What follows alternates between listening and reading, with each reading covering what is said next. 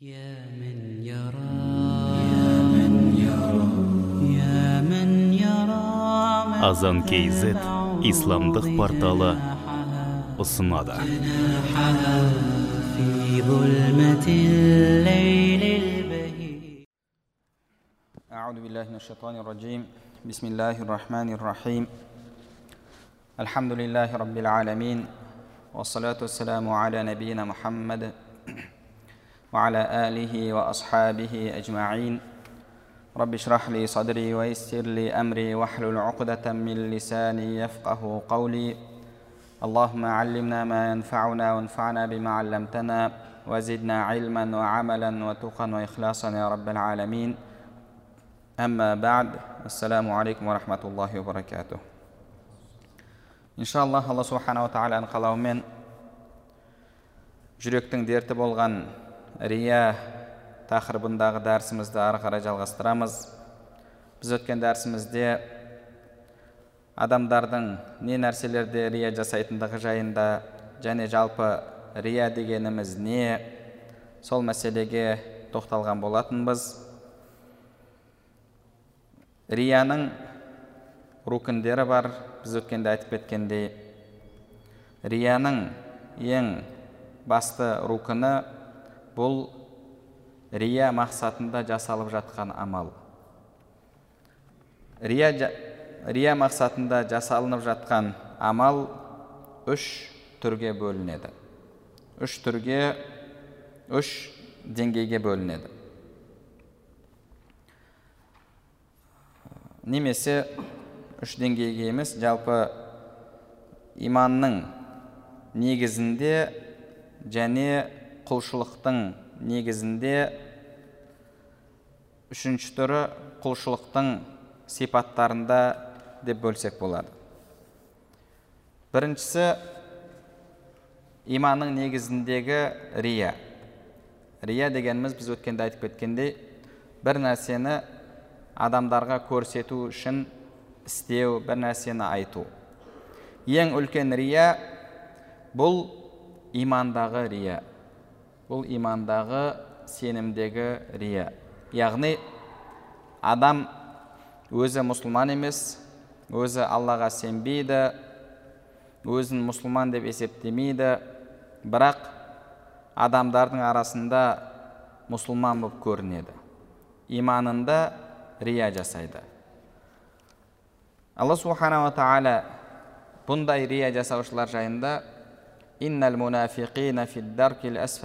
нар яғни екі жүзді мұнафиқтер тозақтың түбінде болады деді екі жүзді мұнафиқтер тозақтың түбінде болады деді бұл жердегі нифақ мұнафиқтық екі жүзділік имандағы екі жүзділік яғни оның жүрегінде иман жоқ бірақ өзін иманды адам етіп көрсетеді өзін аллаға сенетін адам етіп көрсетеді. Иман келтіргендермен кезіккен кезде иман келтірдік дейді.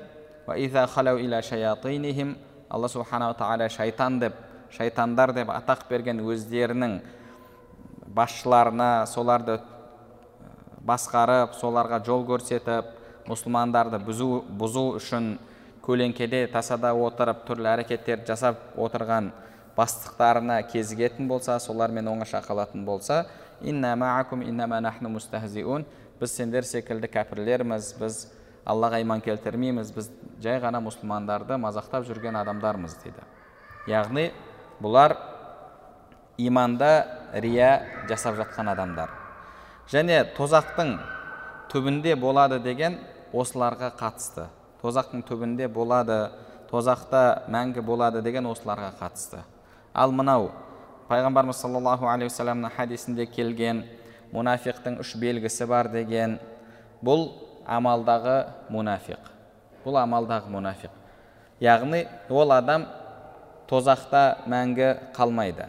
Себебі бізде әхлі жамаада адам күнә жасағаны үшін діннен шығып кетпейді.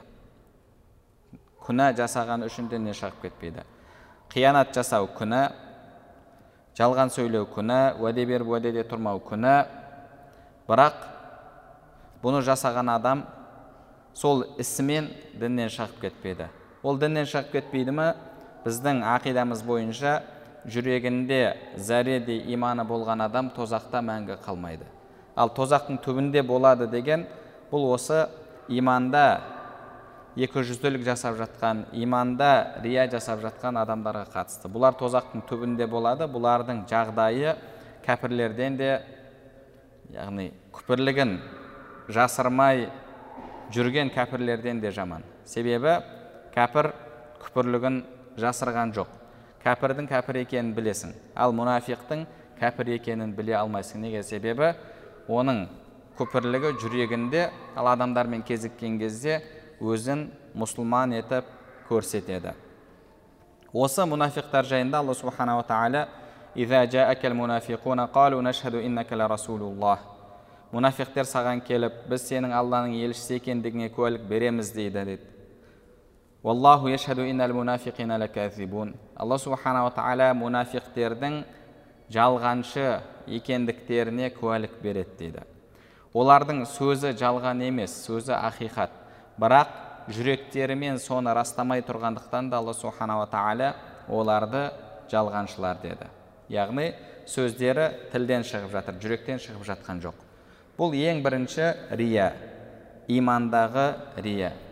Екіншісі құлшылықтың негізіндегі болған рия. Және құлшылық бұл жерде парыз құлшылықтарды рия жасаушы адам. Бұл екінші деңгейі. Яғни оның жүрегінде аллаға сенім бар бірақ иманы сондай әлсіз ол жеке өзі болған кезде намаз оқымайды. Жұмыстағы басшысы намаз оқитын болса маған деген көзқарасы өзгермесін маған жылы қарасын мені де өзіміздің намазхан деп білсін деп соның көзінше намаз оқиды. Достарынан ұялып достарымен бірге ораза тұтады. Мысалы ол медреседе оқып кеткен бала болуы мүмкін ол құран жаттап кейіннен немесе құран оқитын медреседе оқып кейін соны тастап кеткен болуы мүмкін. Өкінішке, орай ондай жағдайларды өмірде көптеп кездестіреміз.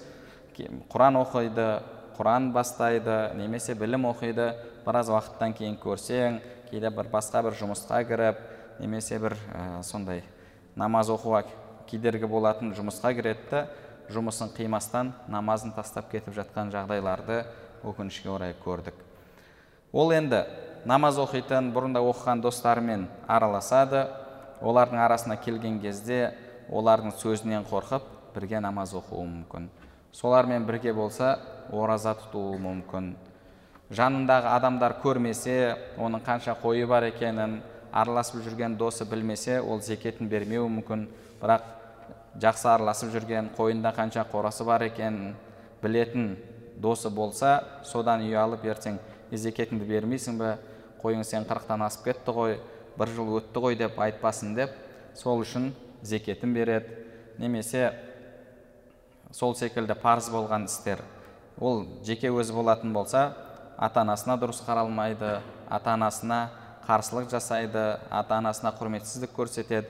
Бірақ адамдармен болатын болса адамдардың арасында достармен болатын болса ата анасына мәмілесі басқаша болады. Яғни бұл адам негізгі құлшылықтарда рия жасайтын адам. Және тура сол секілді харам істерде рия жасайды. Адамдармен болса харам істерді істемейді жеке өзі болатын болса сол күнә болған істерді істей беретін адам. Бұл адамның деңгейі алдыңғы адамға яғни иманда рия жасап жатқан адамға жақын және бұл ісін тастамайтын болса ертең иманнан шығып кетуде қаупі бар. Алла субханала тағала ондай жағдайдан сақтасын. Үшінші деңгей бұл құлшылықта рия жасайды бірақ парыз болған құлшылықтарда рия жасамайды. Нәпіл болған құлшылықтарда рия жасайтын адам. Яғни жеке өзі үйінде болса намаздың уақыты келді ма парызын оқиды. Сүннетін оқымайды.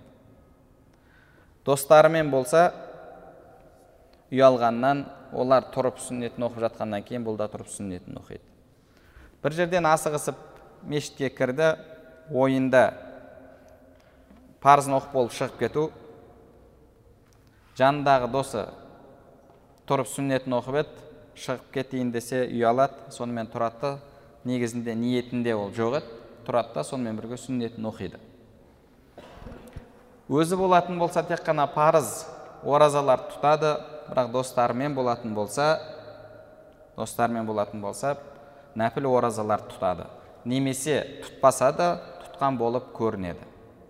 Яғни өзі тұтқан емес таңертең шайын ішіп ә, вареньемен манағы нанға майын вареньесін жағып жеп кекіріп үйінен шыққан бірақ досы кезігіп қалған кезде бүгін ашура күні ғой немесе бүгін арафат күні ғой ораза тұттың ба? десе иншалла деп қояды.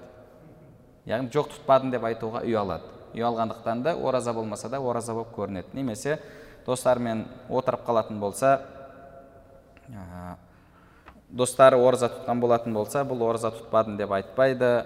Немесе біреу су беріп жатса су ішесің ба шай ішесің ба деп жатса жоқ ішпеймін үзірім бар еді деп қояды. Мысалы дүйсенбі күні немесе бейсенбі күні үзірім бар еді деген кезде әлгі адам ойлайды а мына ораза тұтқан екен ғой деп сөйтіп ораза тұтпаса да өзін ораза тұтқан адам етіп көрсетеді.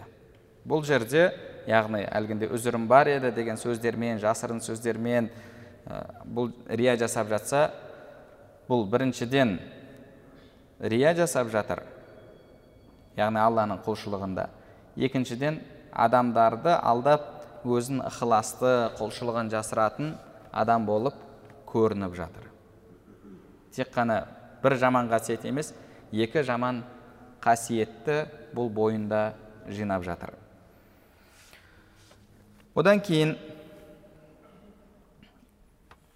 үшінші деңгей бұл құлшылықтың өзінде емес құлшылықтың сипатында рия жасау. Құлшылықтың сипатында рия жасайды. Яғни өзі болатын болса үйінде намазын тез тез оқиды. Бұл бірінші деңгейі.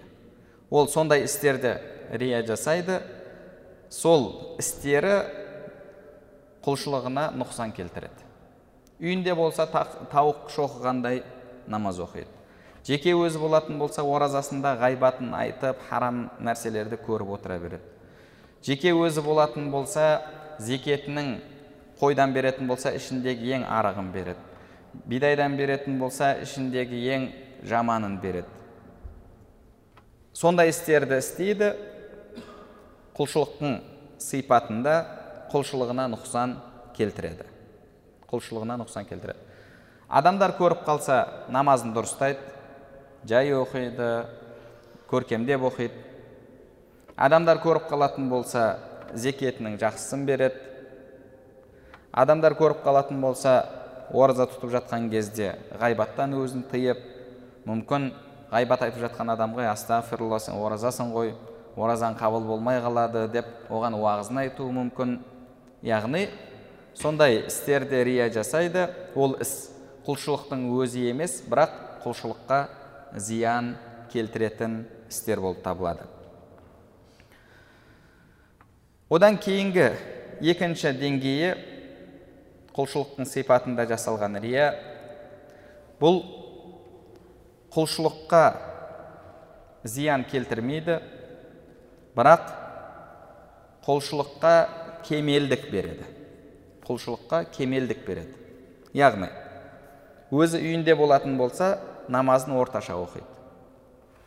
Парызымен сүннетімен орташа оқиды.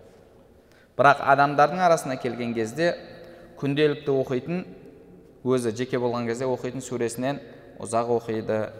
Үйінде тұратын рукудан ұзақ тұрады үйінде тұратын сәждадан ұзақ тұрады бұл істер егер әлгінде ұзақ тұрмаса намазына кедергі келтірмейді намазына нұқсан келтірмейді яғни адам тұрып асықпастан фатихасын оқыса артынан сүресін оқыса қысқа одан кейін рукуға барып субхана раббиал азим деп үш рет айтатын болса тұрғаннан кейін иатидалде толығымен тұрып одан кейін сәждеге барып үш рет субхана раббиал аля деп айтатын болса бұл намазға ешқандай нұқсан келтірмейді ал рукуде ұзағынан тұру бес рет айту жеті рет айту немесе сәждеде тұрған кезде тура солай айту немесе ұзағынан суре оқу ұзағынан сәждеде тұру бұл намазға кемелдік береді яғни бұл сондай істерде кемелдік кемелдік беретін істерде рия жасайды.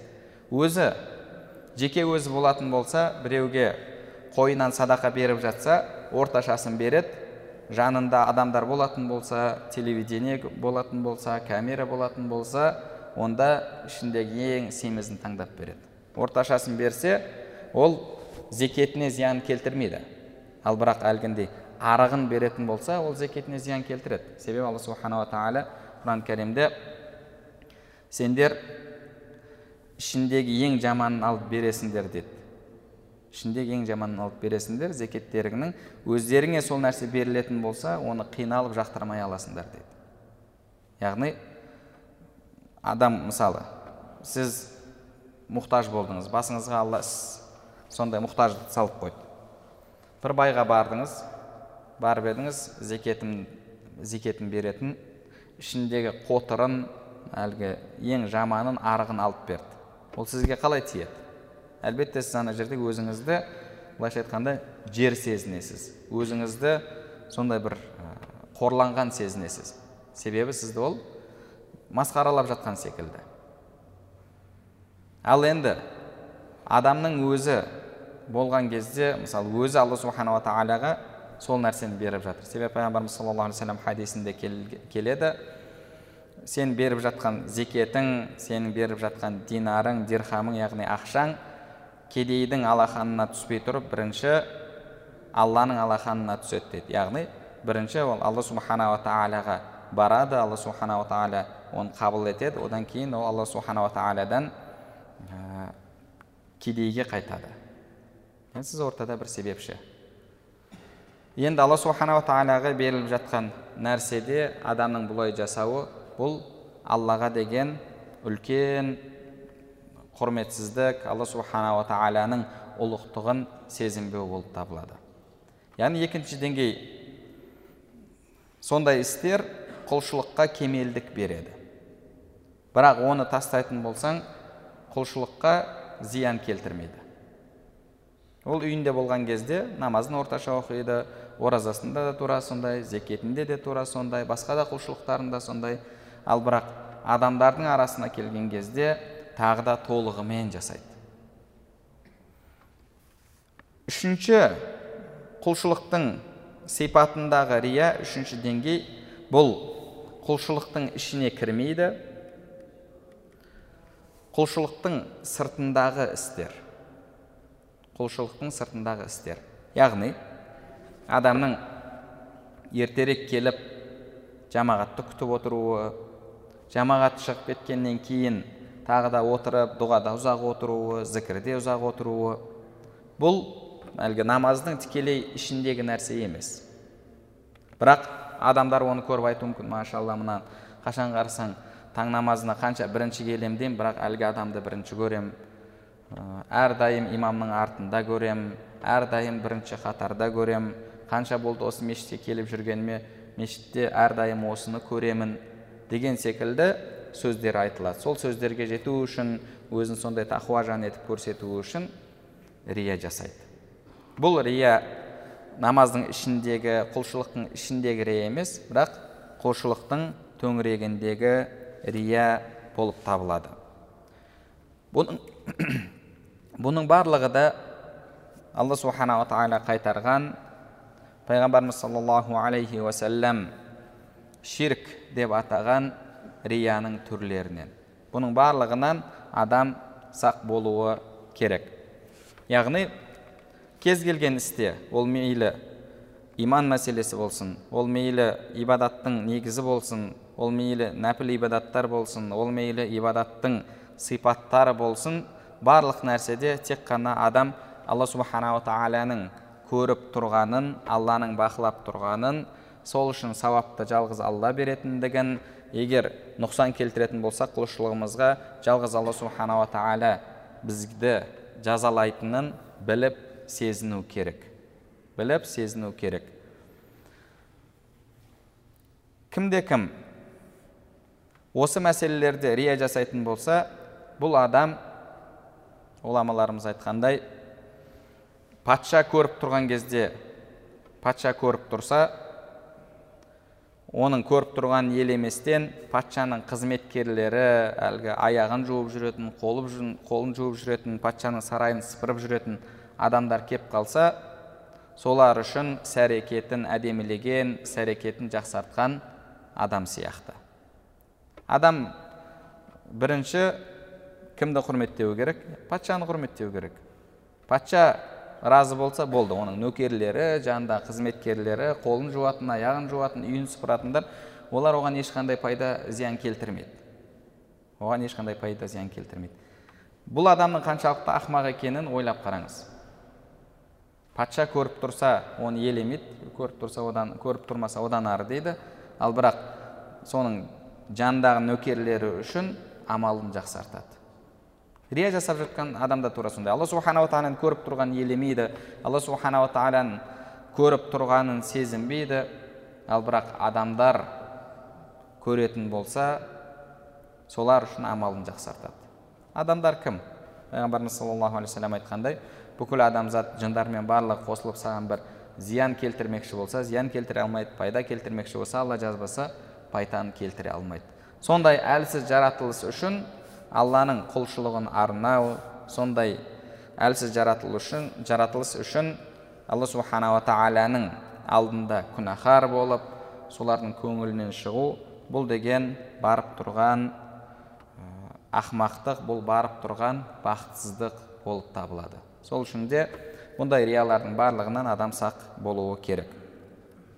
Одан кейінгі рияның рукіні бұл рия жасаған кездегі жүректегі мақсат адам бекерден бекерге рия жасамайды рия жасаған кезде міндетті түрде бір нәрсені мақсат етесің жүрегіңде бір ниет болады адамдар мақтаса пәленшенің көңілінен шықса пәленше маған жақсы қараса деген секілді адамда бір ой болады бұл ойлар мақсат үш деңгейге бөлінеді ішіндегі ең жаманы ең ауыры ең күнәлі болғаны бұл құлшылықта рия жасау арқылы күнәні мақсат ету күнәні ниет ету.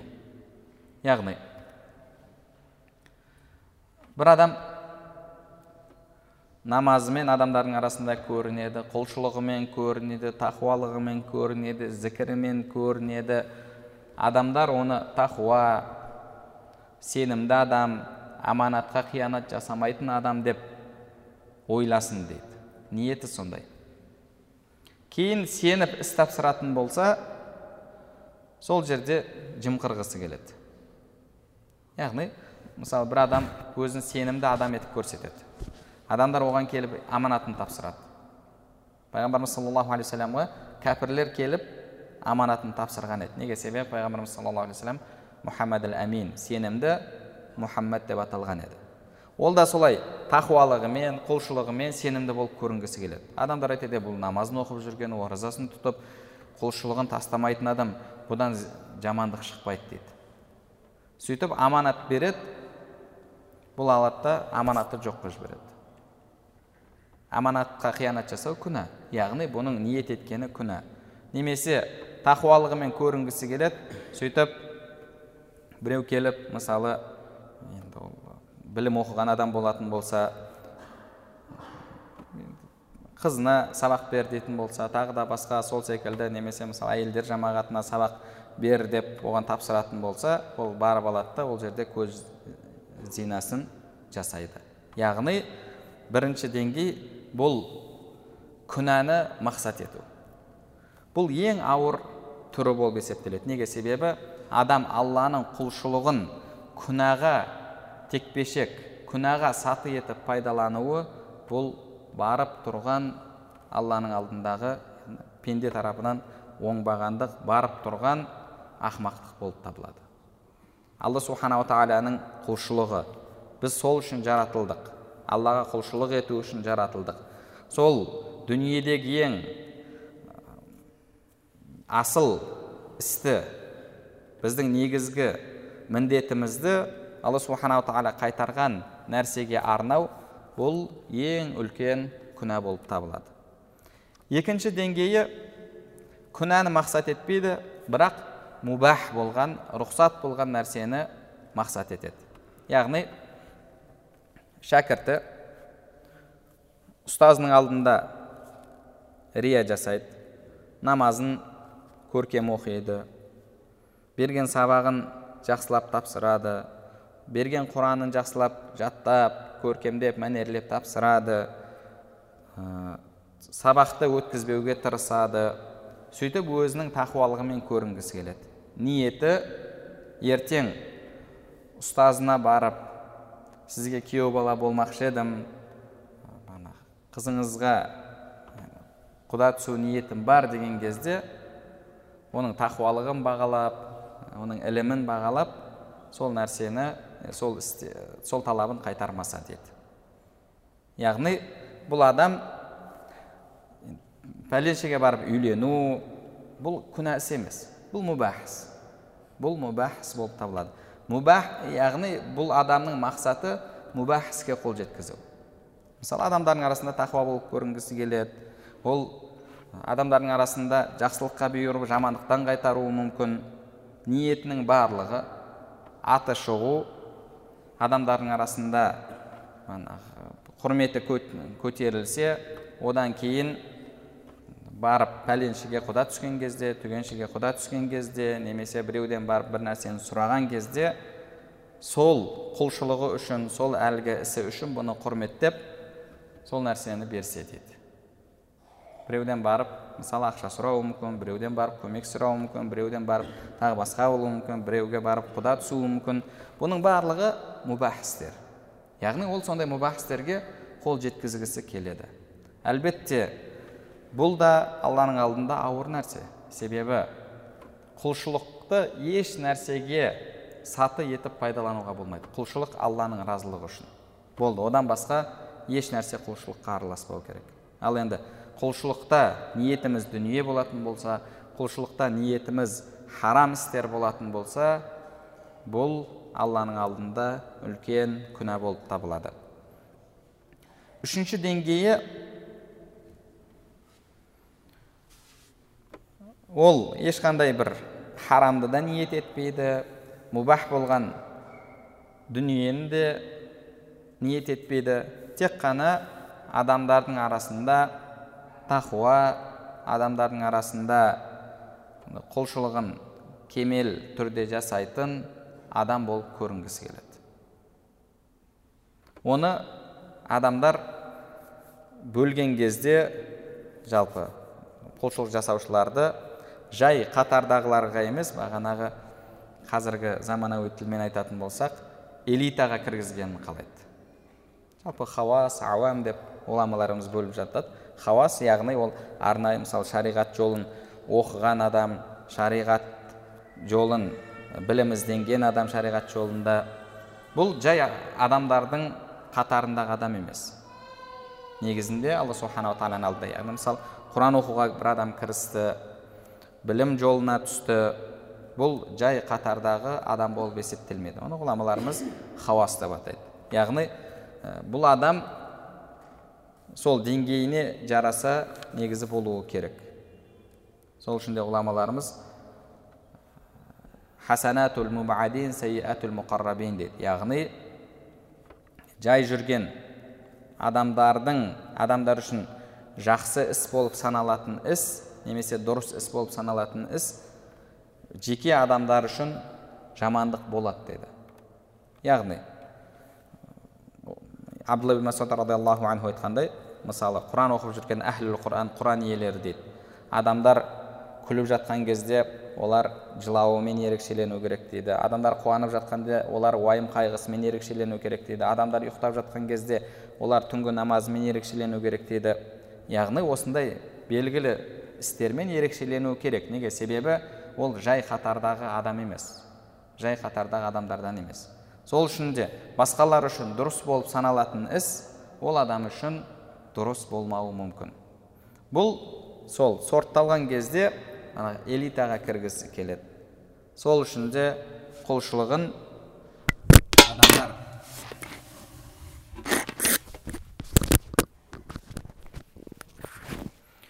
құлшылығын адамдар оны тақуа екен білімді екен деп айту үшін жасайтын адам.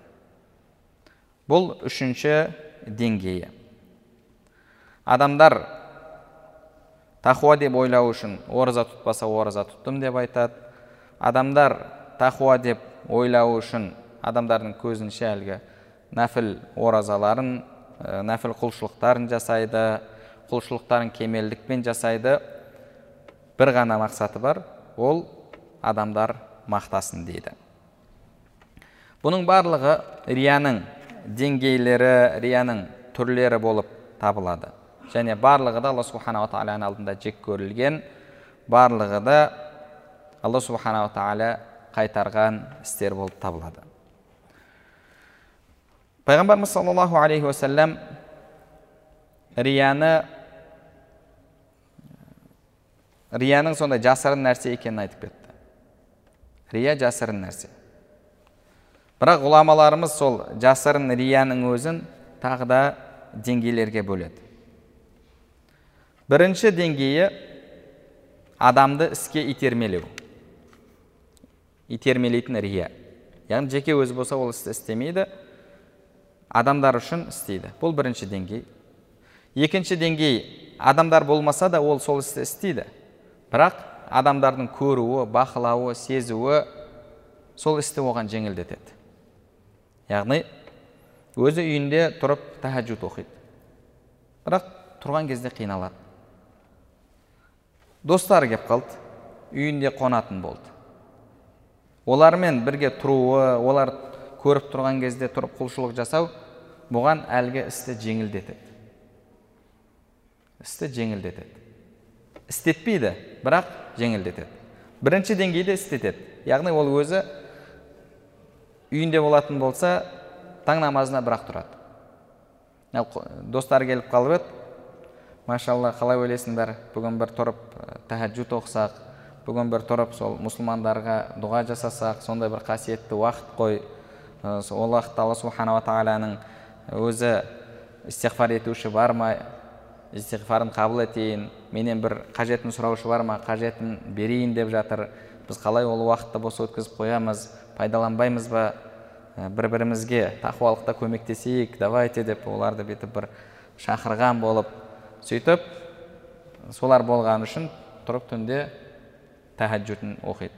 Ертеңінен олар барады да достарына машалла браттың үйінде болдық субханалла сондай тақуа екен біз намазға шақырды намаз оқыдық сондай керемет түн рухани түн өткіздік деп олар барып ертең айтады. Сонымен арасында бәрінің арасында ол машалла брат болып таныла бастайды. Екінші деңгейі ол адам сол істі істейді бірақ басқалармен бірге істеген кезде ісін жеңілдетеді. Яғни өзін ширақ сезінеді. Неге себебі? Адамдар көріп тұр. Адамдар бақылап тұр. Одан кейінгі деңгей адамдар адамдардың көріп тұруы немесе адамдардың болуы оған ешқандай әсер етпейді. Бірақ еститін болса адамдар соның сондай құлшылық жасағанын адамдардың білуі естуі оны қуантады. Яғни алла разылығы үшін жасап жүрмін деген құлшылығын адамдар естіген кезде қуан жүрегі қуанады. Бір басқаша бір сезімде болады. Бұндай кезде адам осы нәрсемен күреспейтін болса ол ертең күшейеді. Яғни бұл бір бағанағы бір ток секілді бір келді да бір рет келіп жүректі соқты оның жүрегінде бір басқаша сезім пайда болды. Ертең соны іздеуі мүмкін. Іздеп ретін тапса өзі айтуы мүмкін. Кеше субханалла бір ә, таңертең оянсам нан таусылып қапты. Сонымен ә, сумен суды өзіме қанағат тұттым бірақ күн ұзақ екен сәл басым ауырып қалды. Сонымен үйте алмай қалдым бүйте алмай қалдым деп мысалы да жай бір ретін табады сөйтіп рия болып кетпесін енді бірақ деген секілді осындай сөздерді алдында қойып қояды. Бізде қазір сондай әдет бар ғой. Ғайбат болмасын деп қоямыз да ары қарай біреуді жамандаймыз. Ғайбат болмасын. Ғайбат болмайсын десең ол ғайбат болмай қалады да. Яғни бағанағы арақты алып алып арақ болмасын деп ішетін болсаң ол басқа нәрсе болып кететін сияқты. Ғайбат болмасын десең ғайбат болмай қалады. Бағанағы рия болмасын десең рия болмай қалады. Өкінішке орай бізде осындай нәрсе бар. Рия болмасын енді бірақ деп алдында осы подставканы қойып қояды шаблонды. Немесе бағана ғайбат болмасын деген немесе бағана жахил кезімде деген сөз бар ғой. Жахил кезімде дейді да ар жағына ә, күнәларының барлығын айтып беріп отырады. Өйстіп адам өзі басқаларға білдіруге тырыса бастайды. Және одан кейінгі деңгей бұл деңгей де өте жаман деңгей адамдардың оған мәмілесінің өзгеруін қалайды. Яғни түнде құлшылығын жасайды намазын оқиды зікірін жасайды. Адамдардың сол үшін оны құрметтеп оған сәлемі өзгеріп онымен базарға барған кезде адамдардың мәмілесінің өзгергенін қалайды. Яғни мен алла субханала тағаланың алдында сүйікті құл болдым. Енді адамдардың маған көзқарасы өзгеру керек адамдар үшін де сүйікті болуым керек. Олардың мені жақсы көруінің белгісі әлгі бағанағы менен бір нұр шашырап тұру керек. Мен барған кезде көріп о машалла деп бағанағы олардың мәмілесі өзгеріп тауардың бағасын түсіріп жіберіп тағы да басқа ә, қонаққа барған кезде бірден төрге шығарып жіберіп деген секілді. Өйстіп адамдардың мәмілесінің өзгергенін қалайды. Ол жасап жатқан құлшылығының жазасын яғни оның қайтарымын алла субханала тағаладан емес осылайша адамдардан күтеді. Али радиаллаху анхудан осыған қатысты риуаят келеді. Қиямет күні қарларға ғалымдарға сендерге ешқандай сауап жоқ. Сендер сауаптарыңды о дүниеде алып қойдыңдар деп айтылады деді. Біз қалай алдық деген кезде сендерге баға арзандатылып берілмейтін бе еді? Сендерге бағанағы біздің тілмен айтатын болсақ бас ұстатылмайтын ба еді? Сендерге төр ұсынылмайтын ба еді? Сендерге анау мынау бағанағы тағы да яғни осындай бір жеңілдіктер жасалмайтын ба еді? Сендер соны күтетін едіңдер. Сауаптарыңды алдыңдар бізде ешқандай сендерге сауап жоқ деп айтылады дейді бір сондай үлкен ғалымдардың бірінен риуаят етіледі. Имам уахб ибн мунаббих айтады. Сол ғалымның сөзін келтіріп біз дейді құлшылыққа өзімізді арнаймыз деп адамдардан жекелендік. Құлшылыққа өз, өзімізді арнаймыз аллаға өзімізді арнаймыз деп бір ерекше халге түстік. Бірақ осы жолда жүріп әлгіндей дертке ұшырадық па деп қорқамыз дейді. Адамдардың бізге бірінші сәлем бергенін адамдардың бізді құрметтегенін бізді төрге отырғызғанын әкеліп басты бізге бергенін яғни осы нәрселерді қалайтын ауруға ұшырадық па деп қорқамыз деген. Ғұламаларымыз айтады адам өзінде осы риялардың бар екендігін білу білмеуі қалай болады? Мысалы сіз үйіңіздің алдында тапчанда немесе бағанағы бақшаңызда тұрып намаз оқып жатсыз. Ар жағында қора бар. Қораңызда қойыңыз сиырыңыз тұр сізге қарап тұр солардың қарап тұруы сізге әсер етеді ма намаз оқып жатқан кезде ойбай менің сиырым көріп тұр қойым көріп тұр деп қой мен оқимын деп адам сондай істі жасайды ма жасамайды неге себебі ол мал ол мал малға ол көңіл бөлмейді немесе алдында нәресте жатыр жанында нәресте жатыр әлгі тілі шықпаған кішкентай бала сол үшін ол іс әрекетін өзгертеді ме? Құлшылығын өзгертеді ме? Өзгертпейді неге? Себебі оған ол көңіл бөлмейді. Ғұламаларымыз айтады егер дейді сен құлшылық жасап жатқан кезде сен үшін адам мен хайуанның арасында айырмашылық болса деді. Онда сенде рия бар деді. Адам мен хайуанның арасында айырмашылық болатын болса онда сенде рия бар деді. Неге? Себебі сен мал саған пайда келтірмейтін сені мақтамайтындығын ол мақтап мөңіресе де оны адамдар ә, түсінбейтіндігін білдің да сол үшін оған көңіл бөлгенің жоқ. Ал адам мақтайды оны басқа біреу естиді саған бір пайда келеді бір ә, яғни дүнияуи бір жеңілдіктер болады деп ойладың сол үшін оның алдында өзгердің. Оның көріп тұрғаны саған әсер етті. Адам үшін яғни таза алла разылығы үшін деген адам үшін мал мен адамның арасында айырмашылық болмауы керек. Мал қарап тұр ма адам қарап тұр ма екеуі бірдей болуы керек. Осындай деңгейде болатын болсақ иншалла риядан құтылған боламыз. Ал енді адам енді бәрібір біреулер құлшылығын біліп жатса оның бір жасап жүрген жақсы амалдарын біліп жатса қуануы мүмкін.